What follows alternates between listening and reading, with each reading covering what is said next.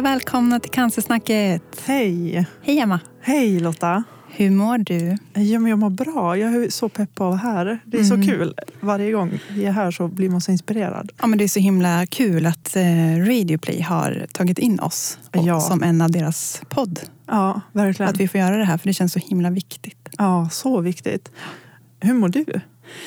Jo, jag mår bra. Men det där är ju alltid liksom en klurig fråga såklart. Mm. Men eh, jag mår bra. Vi ska åka till, eh, på semester Mm. i övermorgon till Thailand. Har väntat på det jättelänge. Vet, Så att- jag är så avis. Ja, så att man känner att, eh, och äntligen. Men sen är det alltid lite oro liksom. Och såklart så har ju Elias börjat känna sig lite dålig nu också. Precis Mm. innan vi ska åka. Och Elias är ju då din man. Mm, Ska vi kanske förtydliga? exakt. Mm. Så att det, är, det är blandade känslor men det ska bli skönt att komma iväg. Ja. Ja. ja, men såklart. Den där oron kommer man inte ifrån. Nej. Ska vi kanske gå från det till dagens tema? Mm, du kan berätta vad vi ska prata om idag. För det är också lite kluvet, precis som, som det känns kanske inför er resa. Så här, ni är både glada men också så finns den här oron. Mm, ja men precis, verkligen. Nej, så dagens tema så tänkte vi prata om eh, framtid och Ja. framtidstänk. Mm. Och hur eh, vi tänker kring framtid Mm. och om vi vågar tänka på framtid och Mm. den biten. Så här, hur förhåller man sig till framtiden när man lever med cancer? Alltså, Exakt, hur vi tänker och ja. Precis. Det känns som ett väldigt viktigt ämne att prata om för att framtiden rör ju alla. Mm. Ja, och det känns som att eh, när du och jag har eh, pratat om tidigare avsnitten så, så känns det här som ett liksom, ganska bra nästa steg att, Mm. att prata om. Verkligen. Mm. Vad tänker du när du tänker framtid?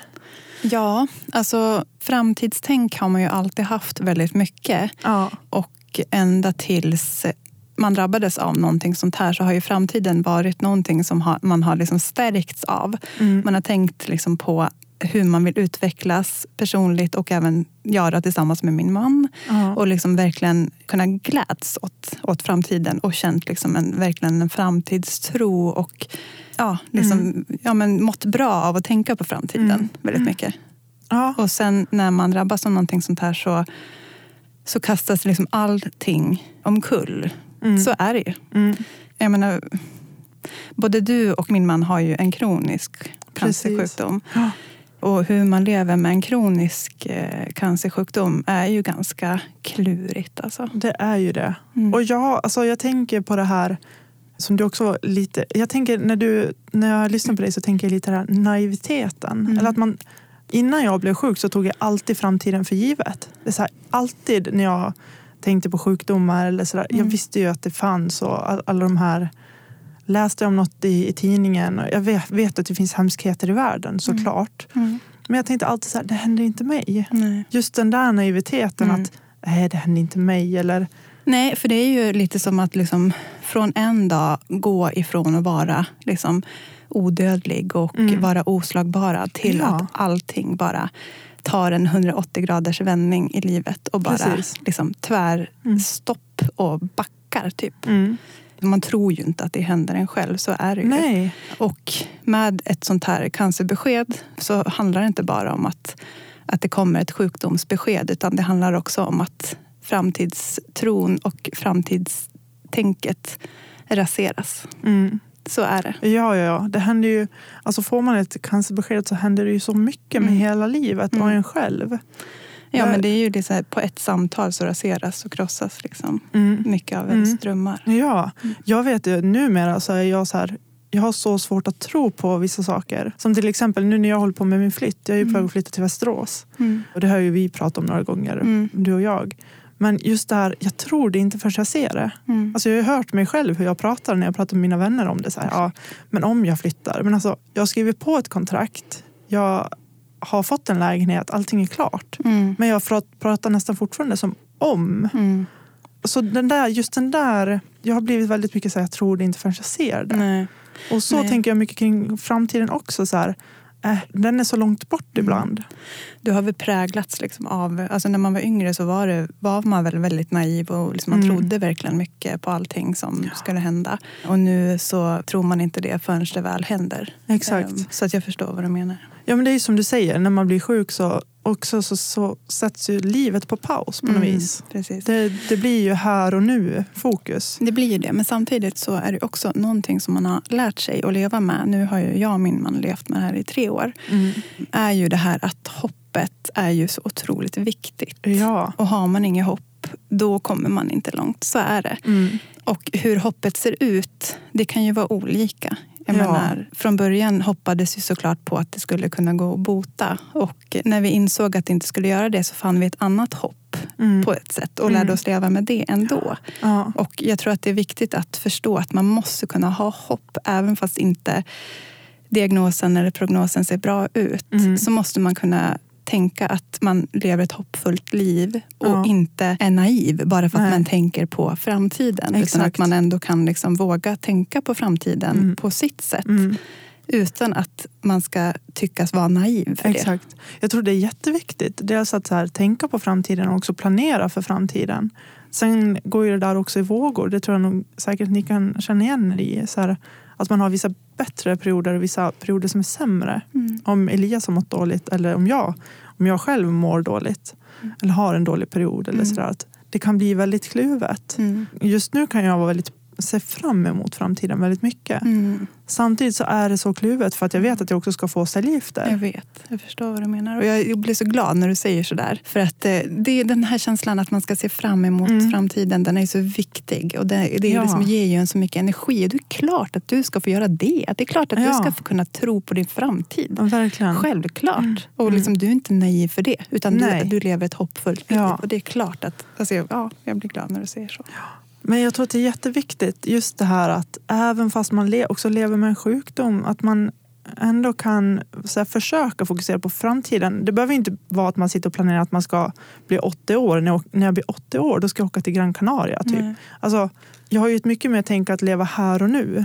Mm. Men jag försöker ju fortfarande satsa på framtiden men det är ju Mm. svårt. Ja, jo men precis. Det är ju det. Och jag tror att man lär sig kanske leva, med, alltså tänka på sitt sätt som sagt. Och för många är det säkert liksom att eh, om man har kontroller en gång i halvåret eller varannan månad eller Mm. sånt där så Mm. lever man för den tiden. Ja, Eh, tills och nästa sen- kontroll. Ja, Ja, precis.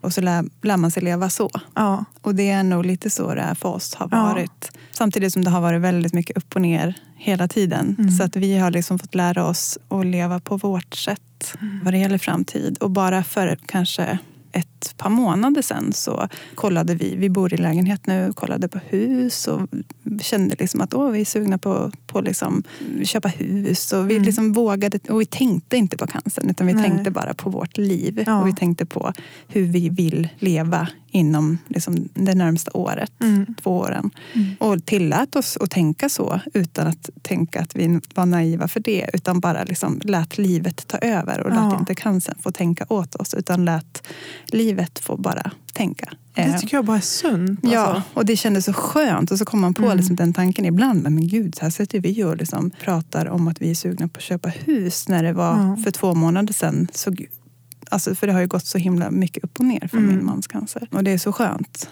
Och sen, det där, det är ju så olika. Sen kan det kastas om. Som nu till exempel så har min man börjat må dåligt igen. Ehm, Jag ser på honom att han inte mår bra. Han, är, eh, han har inte feber men han har liksom sjukdomskänsla, jättetrött, har fått Mm. mer smärta, väldigt blek. Jag ser ju att han inte mår bra. Och då Nej. kommer ju oron igen. Mm, och då, såklart. då slås ju de här tankarna bort på husköp och sånt. Ja, Utan då det, skiftar det lite. Ja, Ja. och sen så då lever man på ett annat sätt. Men på något sätt har vi lärt oss att leva med det också. Hur pratar ni om framtiden? Eftersom att vi skulle prata om, om det här idag så pratade jag lite med honom igår om det och eh, tänkte på det att jag tror inte vi pratar så mycket faktiskt om framtiden utan det är nog mer att båda går och tänker Mm. var för sig lite. Mm. Tror, vi, pratar, vi fokuserar inte på det utan Nej. vi försöker fokusera på det som är nu. Mm. Varför ska vi tänka tre år framåt för? Mm. Alltså,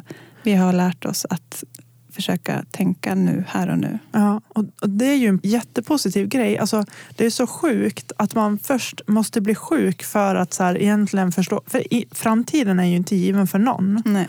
Men det är inte förrän man blir sjuk eller är nära döden Exakt. som man verkligen förstår att jäklar, Mm. liv, att livet verkligen är skört. Mm. Det finns ju så mycket klyschor om alltså, livet hit och Mm. dit och Mm. framtiden och döden och allt Mm. vad det är. Men om man säger dem där och man kanske skrattar lite åt dem. Och, Mm. Men det finns mycket sanning i dem. Men det är ju inte förrän man verkligen står där och döden stirrar en i, i ögonen eller man förstår att framtiden är nära att tas ifrån en. Mm. Det är då man verkligen förstår att det, jag ska ta vara på det här livet. Ja, det är ju ingenting annat betyder ju något känns det Nej. som när det är liksom livet som står på spel. Precis, inte när, för då, kom, då dras livet verkligen till sin spets. Mm, verkligen. Men hur, hur, hur tänker du Emma? Alltså framtiden, Tänker jag vet inte. Ja, jag tänkt, nu har jag tänkt väldigt mycket på framtiden. När jag blev sjuk så då försvann ju min framtid helt och hållet. Mm. Jag, tänkte, jag pratade inte ens om framtiden. Då var det verkligen bara från dag till dag. Sen kommer jag ihåg, det här är en situation eh, umgicks med en kompis till mig, en av mina bästa vänner. Jag kommer inte ihåg vad jag sa, men jag vet att jag sa ordet framtid. Och hon sa det, men Emma hörde du nu vad du sa? Mm. Du pratar om framtiden. Det är första gången du gör det på jag vet inte hur länge. Jag tror att det var andra året jag var sjuk eller något sånt där. Så jag hade inte ens pratat om framtiden. Jag såg ingen framtid ens. Den, den var totalt borta. För det var ju den känslan jag fick när jag blev sjuk. Just Mm. att, vilken framtid? Mm. Jag har ingen aning om jag lever en månad till. Mm. Just med tanke på att när jag blev sjuk så visste inte läkarna om de kunde göra någonting. Och, Mm. Så det präglar ju mig väldigt mycket. Och så jag tänkte inte mycket på framtiden då. Men sen hände det någonting. Förra året så åkte jag till Sydafrika med eh, organisationen Ung Cancer och var med i deras mentorskapsprogram. Och då ingår det en resa, det är en rehabiliteringsresa. Mm. Man kan läsa mer om det på deras hemsida om man vill. Mm. Det kan jag rekommendera alla Ung Cancers medlemmar att söka. Mm. För att den gav mig så mycket. För då var det ju att jag bokade in mig kanske ett halvår innan vi skulle till Sydafrika. Och då vet jag, då måste man ju någonstans tänka på framtiden. I och med att ett halvår framåt, det kändes otroligt långt för mig. Så jag, var så här, jag hade så svårt att tro det och så där. Jag såg det men jag tänkte så här, ah, ja, Mm. vi får väl se om jag ens fixar det där. Alltså, Mm. För mig var det inte självklart att Men jag skulle bara- komma dit ens. Var det inte bara skönt att sätta upp det målet? Jo, det Att var bara- jätteskönt. Bara liksom strunta i tänket att nej men tänk om och Mm. tänk utifall att det inte går. Utan bara, jo men nu har jag bokat den och nu har jag gjort det. Sen får vi ta det som det kommer. Men jag har ändå Precis. satt upp det Exakt. liksom målet. Ja, för det hände någonting med mig när jag var med i mentorskapsprogrammet. Det var ju först, då jobbar man ju mycket med sig själv och man får hjälp på vägen och allt möjligt. Och där hände det någonting med mig och efter det så har jag ju känt att jag vågar satsa på framtiden Mm. Och tro på den lite mer. Idag kan jag prata om den när jag ser den och det har jag gjort kanske det senaste året, åren. 2015 kanske, där någonstans. Mm. Nu tror jag ju på framtiden och jag känner mig mer hoppfull om den. Mm. Men jag vet att den inte, är inte garanterad. Nej. Den är ju inte för någon. Mm. Nej, men så himla kul att höra dig säga sådär. För det, jag, tror att, Ja, jag tror att det är viktigt också att man på något sätt vågar sätta upp mål och Mm. vågar tänka mm. på framtiden. Och sen tror jag kanske att när man drabbas av någonting sånt här så, så ändras ens tankemönster och man eh, tänker kanske på framtiden på ett annat sätt Ja, än vad man gjorde exakt. innan. Man tar inte allting för Nej. givet. Nej, Men på något sätt så blir det okej för Mm. en. Att man tar det som det kommer. Mm. Det låter ju klyschigt men, ja, men det är, ju, så. så.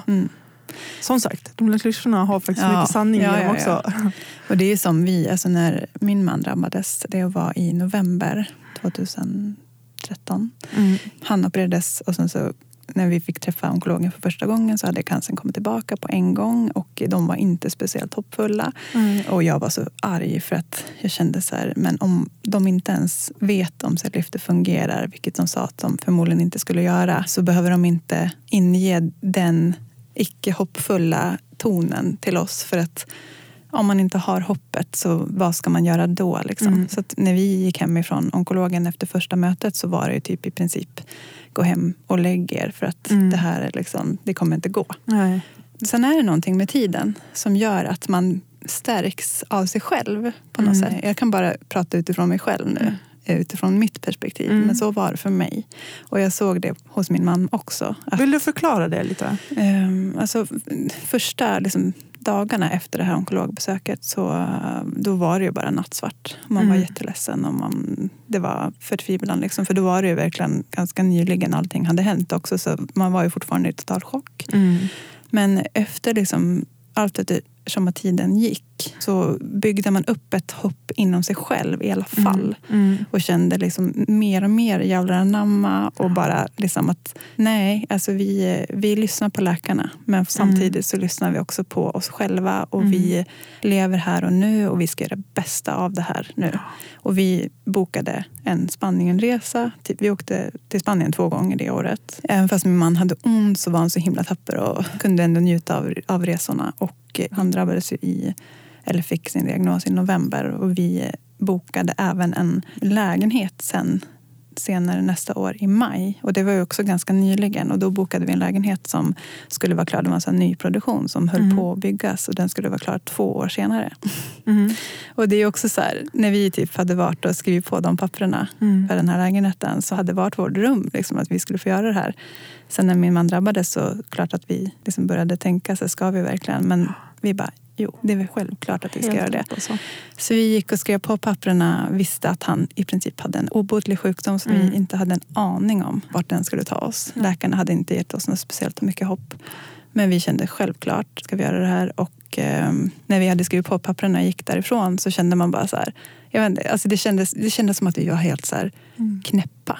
Vad håller vi på med? Vi sa det till varandra också. Vi bara, gud vi har precis fått typ en, eller jag sa precis fått typ en alltså dödsdom. Han sa det Mm. själv. Liksom. Mm. Och här har vi skrivit på papper för en lägenhet som är klar om två år. Vi har ingen Men det där, aning. jag tycker ni är så jäkla grymma. Ja, men det kändes så skönt att göra det. Ja. Och samtidigt så kändes det som att, herregud, alltså vad folk måste tycka att vi är naiva. Alltså det här som jag pratade om, Mm. att man bara tror om. Liksom, det, ja. Och det kostar, man måste ju lägga in en handpenning, så vi tog Ja. typ det. Och det får man ju inte tillbaka. Alltså, för det var ju en risk, men det är, så här, det är pengar. Herregud. Precis. Ja, fan materiella ting. Ja. Nej, exakt. Och sen så trodde man aldrig att det skulle hända, att vi skulle kunna få flytta dit. Och, liksom, och det var blandade Var det- känslor. Var det också att det låg så här för långt bort som Ja. jag kände med Sydafrika? Att, men gud, kommer vi Ja, dit? för det var det. Ja. Mm. Så det var blandade känslor. Allt löser sig har man också lärt sig. Mm. Med tiden så lär man sig leva med känslor som man inte trodde man skulle kunna hantera Mm. förut. Mm. Men man lär sig att, eh, ja, att göra det. Ja. Och jag tänkte på det också som du sa. Det här att första året att du inte vågade tänka på framtiden och att du inte vågade planera. Att inte du, jag tror att det också är viktigt att man tillåter sig själv att Ja. vara där också. Man ska inte behöva bara nej, jag ska alltså, Känner man inte för att börja hålla på och boka en lägenhet efter två månader och tänka två... Alltså, Mm. man, måste, man måste våga tillåta de känslor man känner få ta plats och få vara Absolut. där då. Ja. Som du var då första Jag tror det är jätteviktigt. Alltså, för att man är ju i en situation som är så svår att hantera. Och alla gör ju det på sitt eget Ja. sätt. Och man får olika tänk och Mm. man hittar sätt, så här, coping-strategier. Jag tror att alltså, ordet framtid ströks nog ur mitt eh, ordförråd. Det var ju totalt borta. Det fanns liksom inte ens. Mm. Det var, jag tror att det var därför min kompis reagerade så starkt när hon sa det. Mm. Men när man hörde du sa framtid. Ja. Du pratar om framtiden Mm. nu. Just att det fanns inte innan. Och det, där tycker jag det var så grymt av er att ni ändå åkte på resor och skrev upp er på den här Mm. lägenheten. Och att Vi ni hade- också gjorde det som ni ville och inte lät så här, att cancern inte heller får ta över. Hur var ni innan Elias blev sjuk, din man blev sjuk? Hur tänkte ni på framtiden då? Hur pratade, alltså var, ni, var ni lika som jag, så att man tänkte flera år framåt? Eller, ja men jag ska göra det här. Alltså, jag tog ju framtiden för given. Mm. Gjorde ni också det? Ja, absolut. Gud, ja, vi kunde, jag vet att eh, speciellt eh, min man tänkte väldigt mycket så här, fem år framåt. Och det gör vi ju alla, det gjorde jag med. Mm. Men han har ju fått en, verkligen en tankeställare Mm. och känner liksom att varför höll jag på så? Liksom? Och tänka, alltså varför ska man tänka att man ska leva i framtiden som jag tror att är ett ganska, liksom, att många tänker, ja men sen, jag ska bara, sen ska jag, sen ska jag det, sen ska jag det. Mm. Istället för att försöka fokusera på nuet. Och det är också så här, låter så himla klyschigt. Och, men det är ju verkligen så. Vi lever ju här och nu. Ta tillvara på nuet och ta tillvara på alla relationer som är just nu och Mm. allting som är just nu och det du tycker om att göra nu. Tänk inte att du ska göra det du tycker om sen, eller, Nej, utan fokusera på nuet. exakt. Det är ju ett wake-up call när man Ja. hamnar i en sån här situation. Det är ju det. Men jag tror också att det är jätteviktigt att man så här, någonstans vågar, fastän man lever med en sjukdom så tror jag att det är viktigt att ändå tänka på Ja. framtiden och så också planera. Även fast jag tycker att det är jätteläskigt ibland. Beroende på vad, vad man pratar om såklart. Mm. Men för att jag vet ju också att det kan ryckas ifrån mig på två Mm. sekunder. Det kan vara borta då. Då Mm. finns inte framtiden mer. Precis. För att jag vet att framtiden är så skör. Mm. Så det är så dubbelt och det är så svårt att förhålla sig till den. Mm.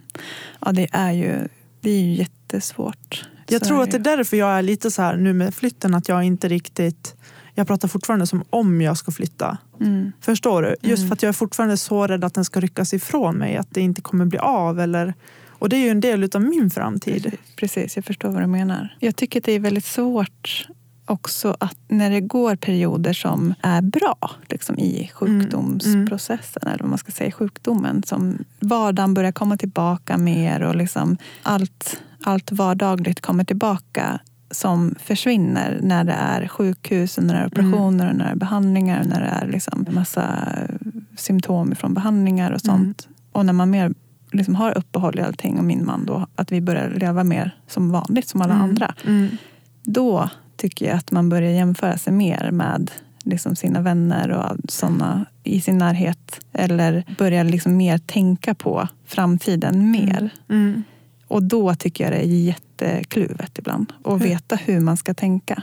Jag tycker det, är, det kan vara jättesvårt. Men hur tänker du då? då? Alltså, vill du ta något exempel? Alltså man vill ju gärna tänka på framtiden och man vill Mm. gärna planera. Och man blir, som jag sa i början, man blir så glad av framtiden Mm. när man tänker tillsammans. Man blir ju glad, man stärks av framtiden. Och då Mm. när man inte riktigt vågar göra det för att Nej. vardagen är som vanligt och man Mm. börjar komma in på de här tankarna om framtiden. Och så kommer man på det, att men just det, vi Mm. har ju den här cancern Mm. bakom oss också. Mm. Just det, den också.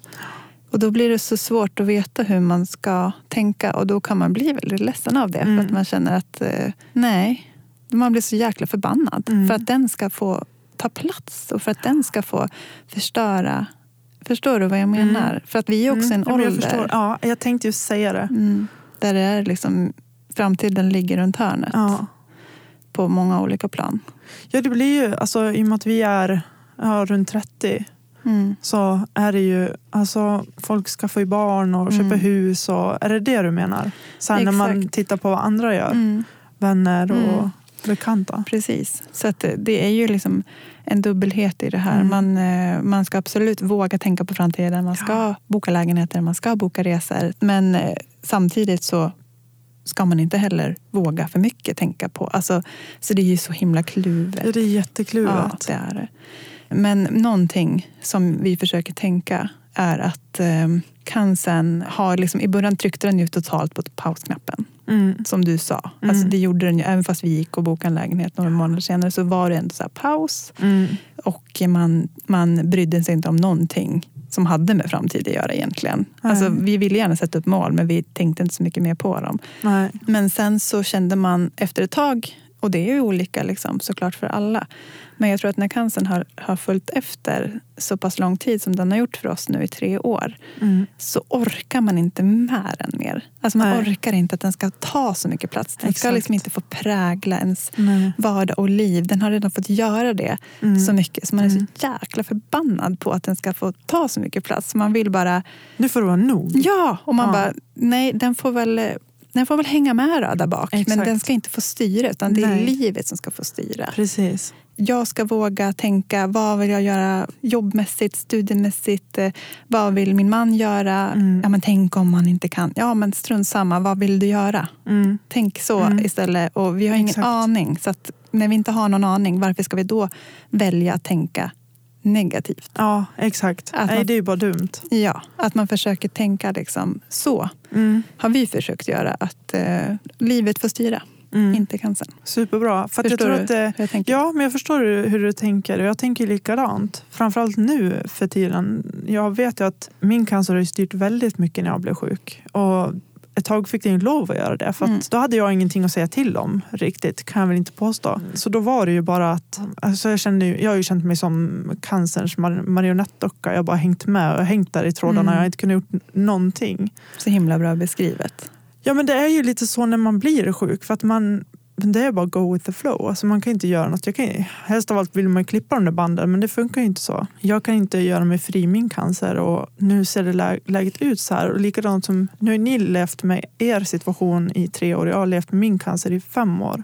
Så det är också så här, när åren går så lär man sig någonstans att men vad fasken, nu får det vara nog. Nu, jag vill fortfarande leva och, Mm. och satsa på de här drömmarna man har och Exakt. målen.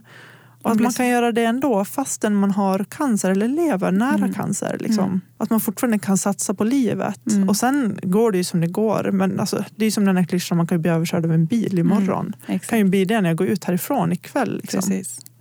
Absolut. Vi har ju pratat mycket om eh, framtidstänk, att man ska våga ha det och att man inte alls är naiv bara för att man vågar ha hoppet och vågar tänka framåt trots en svår situation. Mm. Men det är ju faktiskt så att eh, om vi ska utgå från våra situationer så Precis. lever, ju både, lever du med en obotlig hjärntumör och min man Mm. lever med obotlig gallgångscancer. Så om vi ska prata åt det andra hållet om Mm. hur vi tänker där Mm. och hur du tänker då, Emma. Ja, bara vetskapen om att leva med en obotlig hjärntumör. Bara det sätter ju lite skräck i mig till och från. Och det, så här, vissa stunder så kommer det över mig att det blir så här, men jäklar. Alltså, det är som att jag går runt och har ett, en så tickande bomb inuti eller en vilande vulkan. Jag vet att den när Mm. som helst ska få ett utbrott och Mm. då är mitt liv över Mm. i värsta fall. Hur mycket låter du de tankarna få ta plats? De kommer och går. Jag, brukar, alltså jag har lärt mig slå bort dem när de kommer och sen ibland får de vara kvar lite längre. Och, Mm. Men de kommer ju ofta. Alltså. Mm. Jag vet inte om jag ska säga dagligen men eh, flera gånger i veckan minst kan jag ju säga. Och sen har man ju såklart bättre och sämre perioder. Nu när vi gör den här podden så har ju det gett mig väldigt mycket positivt. Och det har ju minskat de tankarna drastiskt. Alltså. Mm. Men samtidigt så, så finns de ju där och när de väl kommer så beroende på vart jag är såklart och hur, alltså dels hur jag mår men jag tänker att det är så viktigt att låta dem ändå komma. Mm. För det är faktiskt verkligheten att jag lever med en obotlig hjärntumör och den kan bli min död. Och vi ska ju alla dö. Mm. Och ingen vet att framtiden är garanterad. Alltså, vi vet inte hur. Ingen vet hur lång tid den har kvar i livet. Sen vet jag att jag har ett hot inuti mig som är min cancer. Mm. De kommer och så får de vara där och sen... Okej, alltså jag bearbetar det ganska mycket. Mm. Så att jag någonstans är blivit okej med att de kommer. Jag vet att de kommer och förut kunde jag få panik över dem. Men nu har jag liksom lärt mig att hantera det.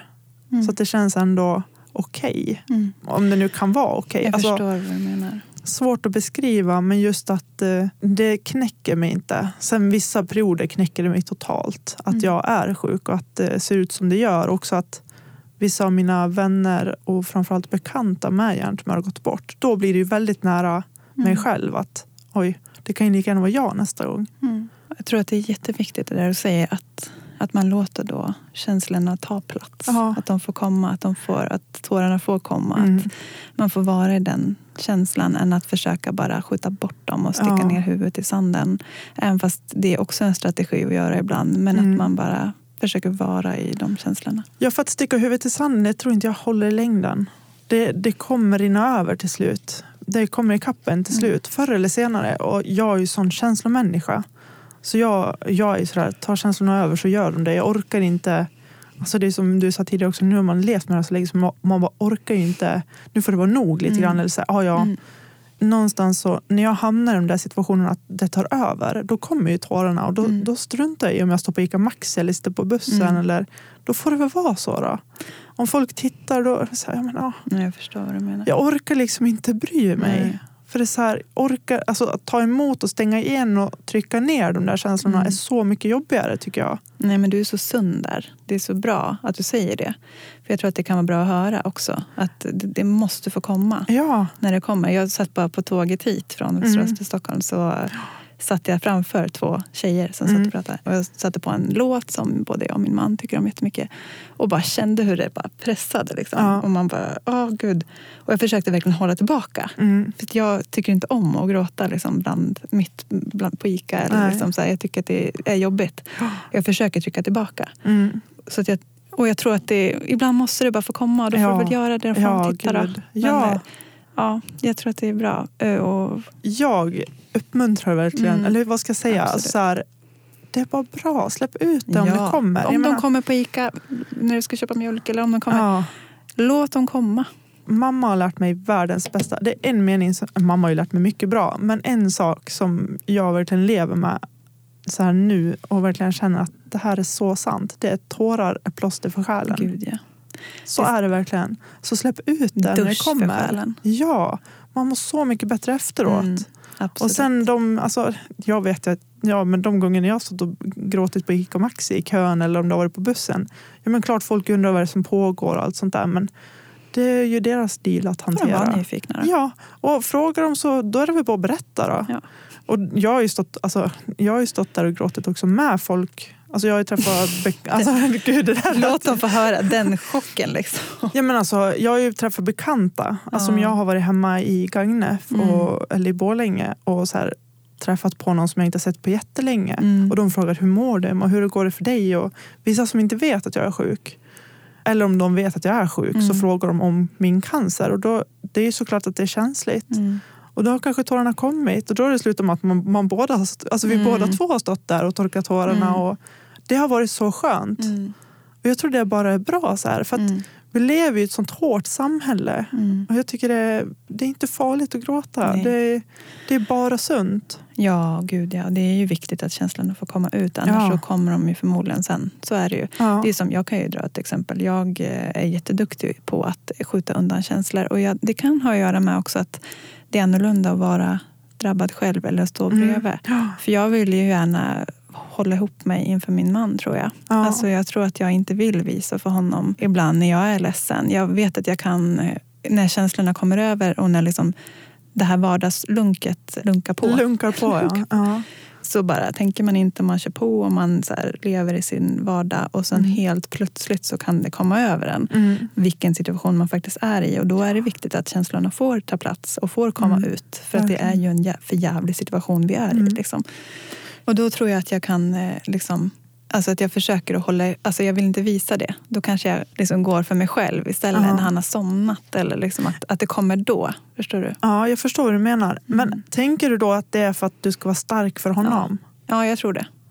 Jag tror det. Och jag vet att det inte är så. För jag vet att han brukar alltid säga så här, att han vill att jag ska visa. Ja, jag tänkte vet att det. det. Är så. Ja. Jag vet det. Men det är någonting där. Jag vill liksom visa mig. Och sen Men det är väl det att man inte vill tynga någon annan Mm. med sin egen Precis. tyngd. Eller vad man, alltså sorg. Ja. Eller, ja. Ja, det är säkert så. Och jag är nog ganska duktig också på att bara springa framåt liksom, Mm. och köra på och bara ska vara den här starka. Liksom. Mm. Och sen så kommer de över med känslan när jag kan ha mardrömmar och vakna liksom, Mm. av dem. Och så det kommer ju, någon gång så tar de ju vägen någonstans. Exakt. Liksom.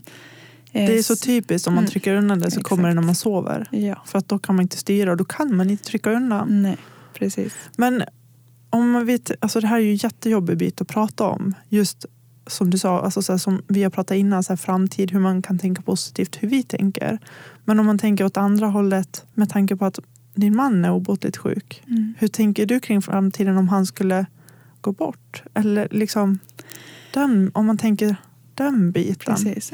Alltså, jag eh, tror att jag har inte låtit dem, de tankarna eller känslorna ta så mycket plats. För Nej. att jag försöker fokusera på oss två nu Mm. och att jag, han finns hos mig nu och han är min, min liksom bästa vän. Och eh, det, är, ja, fy, det blir jobbigt att prata om det här. För Mm. att, eh, nej, det, det, det, är liksom, det är så overkligt fortfarande. Och det är klart att jag inte att jag förstår vad vi är i för situation Mm. och eh, att det kan bli så.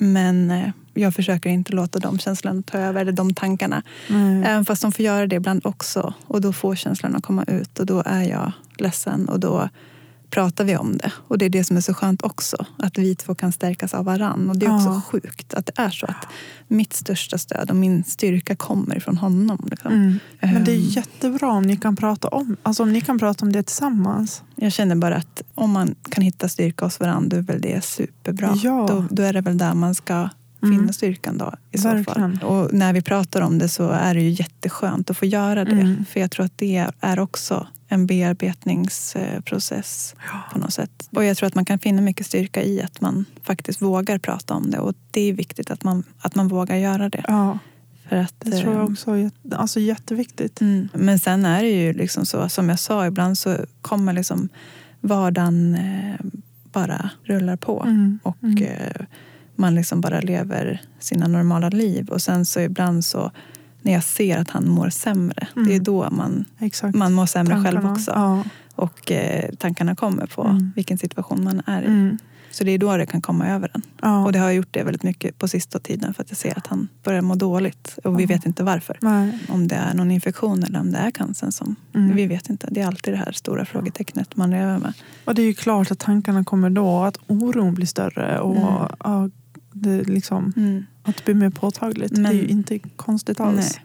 Men som vi sa så är det nog en viktig del Mm. i det här. I, alltså, I att leva i de här äh, förjävliga situationerna. Liksom, Mm. som, som ibland inte alls är förjävliga. Herregud, Nej. vi, har ju liksom, vi är fortfarande de personer som vi var förut och vi har fortfarande ett jättebra liv. Ja. Det är inte så att vi tar ett djupt andetag varje morgon. Liksom. Utan vi har ett jättebra liv. Men Mm. fortfarande så ibland så kommer det över en och då måste du få göra det. Mm, verkligen. Det är väl det vi också så någonstans vill säga med den här podden också. Att livet med cancer är inte bara tungt och jobbigt. Utan Exakt. det är ju precis som för alla andra. Men det är ju bara det att topparna och dalarna kanske blir lite mer extrema. Mm. Man har ju fortfarande väldigt mycket positivt i livet som också är bra. Mm, absolut. Och det är det värsta som finns. Att man ska bli, folk ska tycka synd. Eller Ja. liksom, offerkoftan är ju det absolut det Ja. värsta. Ja, att det finns inget det värre. finns inget värre.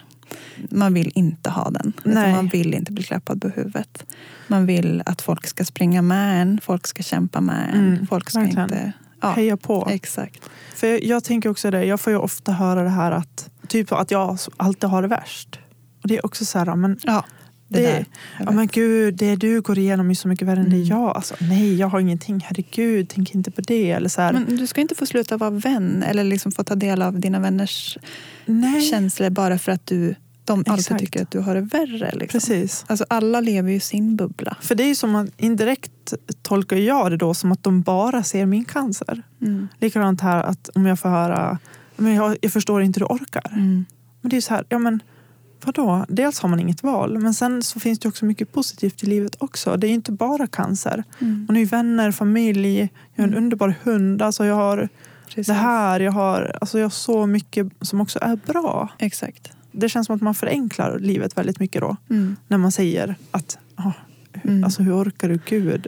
Ja, Då ser man ju bara cancern. ja, och precis. Och det är inte som att du har ett val Nej, heller. exakt. Den biten att det, Nej. herregud, alla orkar. Precis. Det är inte så att du liksom väljer att eh, liksom inte, alltså du har ingen val, du måste kämpa på. Och det är klart att du gör det. Om man hittar delar som Mm. ger en jättemycket livskvalitet och energi och styrka Mm. trots cancer. Exakt. Men jag tänkte också på den här delen när vi pratade lite om ja, men just den här biten om det skulle gå åt andra hållet. Alltså jag tycker det är jättebra att du och din man pratar om de här bitarna. Jag tror det är jätteviktigt att man gör det. Mm.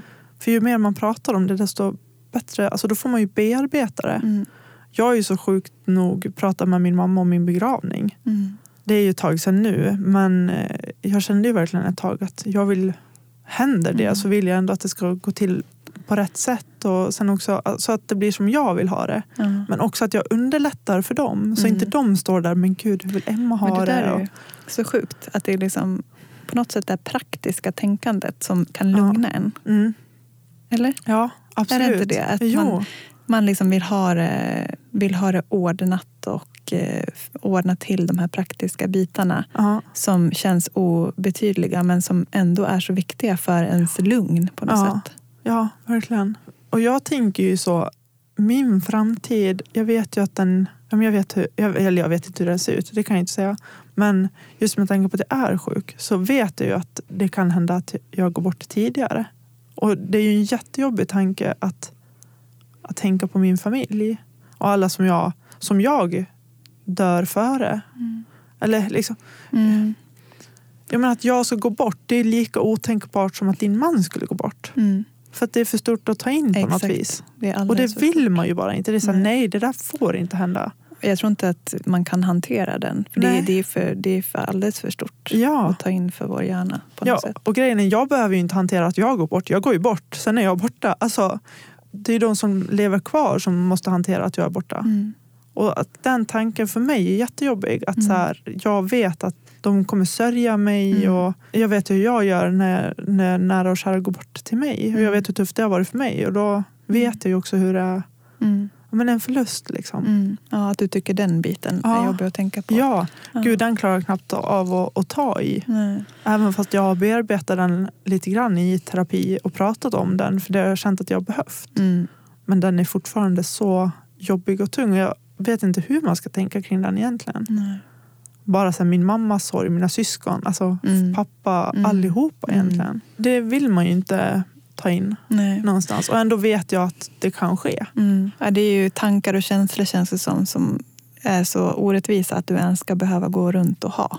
Ja, jag. men det bara känner- arg ja, det. ja, du ens ska verkligen. behöva hantera dem. Men jag tänker samma om dig, att du ska behöva hantera dem när det gäller din man. Mm. Så här, hur blir det med hans framtid och, Mm. och eran framtid? Ja, men jag tror att det fortfarande är så där som vi sa, att det är för stort för att ens Ja. tänka och ta in. Det är liksom, vi, vi väljer liksom att försöka fokusera på det som är idag och nu Mm. och finner glädje i små saker som vi verkligen gör nu. Man har lärt sig att man kan inte tänka pension. Liksom, Nej, utan man exakt. tänker max liksom, ett halvår Mm. åt gången. Mm. Och just nu så kanske det inte ens är det utan det är kanske två, tre månader. Men man har lärt sig liksom att finna styrka och Mm. glädje i små saker i vardagen. Liksom. Sen är min man en jäkla kämpe kan jag Ja, säga. det är han jä- verkligen. Jäkla jävla Han är en sån förebild för min Precis del. som du Emma. Ja, men alltså han är en sån förebild.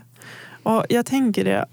Tänk om vi skulle vilja säga någonting med det här, just Mm. framtiden och så som vi tänker idag. Tänk att kan man inte få komma dit innan man drabbas av något sånt här? För jag tror att det är få som gör Precis, det. förstår. Verkligen lever Mm. här och nu. Det är lätt Mm. att prata om att jo, men jag lever här och nu, en dag i Ja, taget. exakt. Men hur många gör det egentligen? Mm. Hur många förstår vad det innebär? Mm. Eller vad... Är det någonting bra som har kommit med cancern? Mm. Och sen känns Exakt. det alltid lika eh, fel att säga så överhuvudtaget.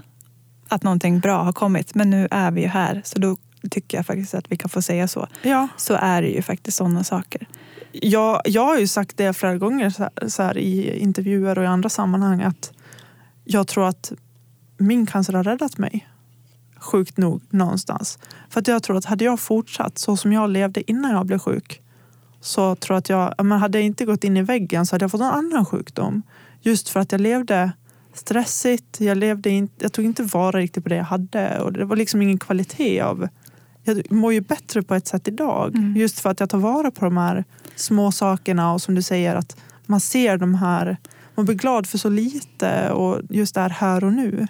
Man känner mer, Ja, eller hur? Man Ja. känner mer. När man är glad så är man... Alltså man Mm. känner mer på något Mm. sätt. Man känner mer för livet. Och man Ja. känner mer...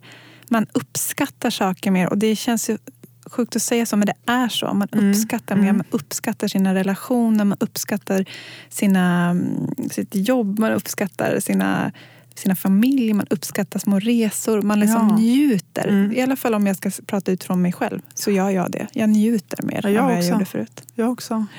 Är också mycket Och sen- tydligare med att säga vad, vad jag tycker och tänker och känner Mm. för folk. Mm. Så här, eller folk.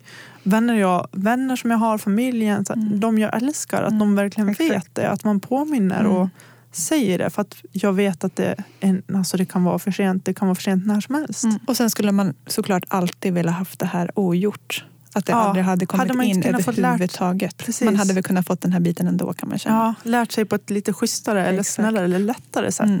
Men jag tror inte man lär sig då. Nej, men nu får vi faktiskt säga så här eftersom att vi är i de här situationerna så Ja. får vi säga att så här. Ja, men jag tror också att det är viktigt att så här, även om man sitter i en, en kass situation att faktiskt se det som är bra. Mm, att, att det kommer bra saker med det ändå. Mm. Alltså det finns inget ont som inte får något gott med sig. absolut inte. Så är det inte. Det, nej, alltså jag, jag tror stenhårt Eller på så det. är det verkligen. Mm, jag tror Mm. stenhårt på det Ja. Mm, det är ett viktigt och ett stort ämne det här. Ett ämne som verkligen berör och som kommer med en cancer. Ja, den här framtiden. Ja, så är det ju. Mm. Man fattar att framtiden är inte så garanterad. Nej, Men att man ska ta vara på, på dagarna man har. mm, absolut. Du har lyssnat på Cancersnacket med mig, Emma Skoglund. Och med mig Lotta Rydberg. Och har du något ämne eller fråga som du vill att vi ska ta upp och diskutera så kan du höra av dig till vår mejl på cancersnacket gmail.com.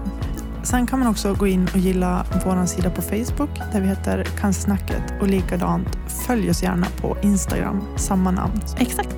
Tusen tack för att du har lyssnat. Tack så jättemycket.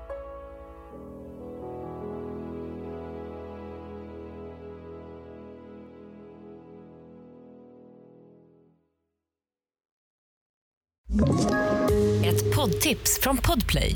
I fallen jag aldrig glömmer djupdyker Hasse Aro i arbetet bakom några av Sveriges mest uppseendeväckande brottsutredningar.